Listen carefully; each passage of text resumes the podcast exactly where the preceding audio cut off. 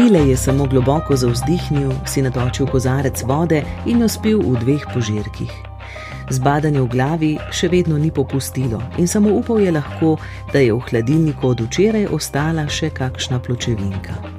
Če voda ni pomagala, ga hladno pivo še nikoli ni pustilo na cedilu. Med odpiranjem hladilnika je na hčer in čevelj že pozabil. Se je pa spomnil na njo takoj, ko je ugotovil, da so ti prasci, povzetek njegovih besed, včeraj spili čisto vse. Elsi? Odtenek glasu je bil zdaj popolnoma drugačen. A? Elsa je komari na hodniku ravno privlekla stol, da bi pospravila čevlje na najvišjo polico. Mehak očetov ton ni pomenil nič dobrega. Elsi, pejta z Ronaldom do štacune, pira je zmanjkal. Rolandom je ogorčeno zaupila kot že nič koliko krat. A? Ata, kot že nič koliko krat, ni dojel. Mladinski roman Grizulda in Maček, delček katerega smo slišali, je prvenec pisateljice Lune J. Šriber.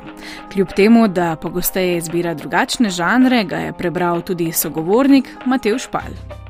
Je res, da sem bolj ljubitelj kriminalk, tako da sem bil skozi v pričakovanju, kaj se bo zgodilo. Tle ni šlo tako hitro kot pri kriminalkah, ampak um, je pa bil nek ta naboj vse tega resničnega sveta, tak, da sem kome čakal, da iz sam pride spet v resničnost, kaj se bo zgodilo. Torej, to leže namiguje, da ne gre pravzaprav samo za eno zgodbo ne, v knjigi, ampak se nekako prepleta vse skupaj. Ja, v bistvu sta dva junaka, dva otroka, ki odraščata skupaj in en izmed njih, ta punca, ima pač malo slabše otroštvo in zahaja v sanski svet, in to sta ta dva svetova. Ampak tema dvema otrokama v realnem svetu se tudi zelo veliko dogaja in je pač zanimivo, kako se spoprijemata z različnimi situacijami, ne vem, nasilje v družbi, um, revščina, oče pijanec, kaj narediti, um, to lažba, v bistvu drug drugega spodbujata. Sta pa neko, neko nasprotje, v bistvu ona je otrok revščine in um, tjančevanja očeta um, in tega, da mame ni. On pa je sin bogatih staršev in v bistvu ima vse, ampak kljub temu, da ima vse, v bistvu izkos sledi, ker ga privlači ta svet dogajanja, ker on pač ima vse. Roland torej sledi Elzi, ona pa v fantazijo beži zaradi slabih razmer, v katerih živi. Ja, v bistvu je to pobeg od, uh, predvsem z njene strani, tako sem jaz to čutil. Pobeg od tega njene samostojnosti, ki se je zgodila zaradi tega, ker je pač oče ne dela in pije, zaradi tega, ker je mama šla, mame pa ni. Seveda, ona se v tak fantazijski svet pobegne s pomočjo ris, riše in pa v bistvu s temi slikami zapade v to drugo zgodbo. In tam bivata naslovna Grizolda in Maček. Grizolda in Maček sta iz fantazijskega dela je zanimivo, ne, da sem tudi v tem mačku svojega očeta videl, ki je pač tako čistun, vse mora biti zrihtan, ne, ampak ni to bistvo življenja ne, in to se tudi pol mal. Se ta, tudi ta maček malo umehča, oziroma kljub temu, da je tako obseden s čistočo in redom. Nekak... Je pa zanimivo, da pač najdeš v teh likih nekoga, ki ga spoznaš tako v življenju, dobre, slabe, oziroma situacije, okay, oče, pijanec, to mm, ni glih ne prvošem nobenemu, ampak pač hočem reči, da obstaja tudi prodajalec v trgovini, ki prodaja barve med drugim. On je za to punco nek pobeg, končno nekdo dober, ki ji pomaga. Še vedno pa, še vedno pa, ko je dober, ji ne dopušča tega, da bi vse dal, da bi rekel, na mej, ker ti nimaš. Je, ji popušča, ampak um, drži to, da pač je treba cen, da je treba tudi nekaj doprinesti, da nekaj dobiš, da ni kar tako ti si reven, evo ti vse, da to ni rešitev. No, Kot omenjeno, gre za mladinski roman, ki je bil leta 2020 tudi nominiran za nagrado Modra ptica. Matej Špal je knjigo prebral po priporočilu matere, kljub temu, da ni nujno ciljno občinstvo za to vrstno branje. Mislim, da bi težje to bral pri 25, pa lažje pri 40.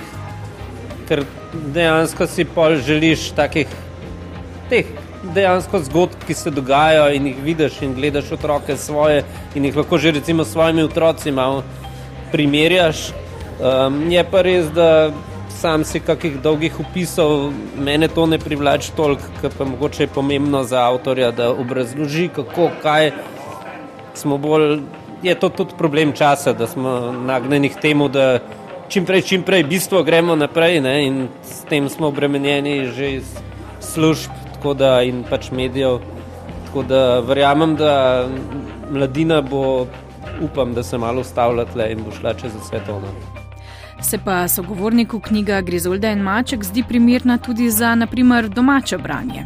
Kar se spomnim, jaz nisem glih nek bralec, um, da bi rekel, da se bi pohvalil z velikimi knjigami na leto, ampak um, recimo, kar se tiče domačih branj, je knjiga glih nekaj tacga, kot se spomnim v srednji šoli da pač nudi velike interpretacije in um, vsak lahko se poistoveti ali pa primerja z enim delom zgodbe. Tako da se mi zdi čist primerna, ker se spomnim, da domača branja so vedno bila taka, da so nas potem z vprašanji, kaj pa je mislil avtor, kaj se pa pol, a misliš, da bi se to pol še tako razpletel, povejte svoje mnenje in mislim, da tle bi se dal veliko o tem razlagati, no. da ima to širino, no. da ni samo kot kriminalka. Teda, zgodil se je v strelu, mrtev, rešil, detektiv, to je to. Tukaj je kar veliko nekih usporednih zapletov, ki si jih seveda nisem vseh zapomnil, ampak to, kar se zdaj spomnim, mislim, da je bistvo tega, kar je pač meni nudilo. In zdaj je torej čas za novo knjigo, bo kriminalka.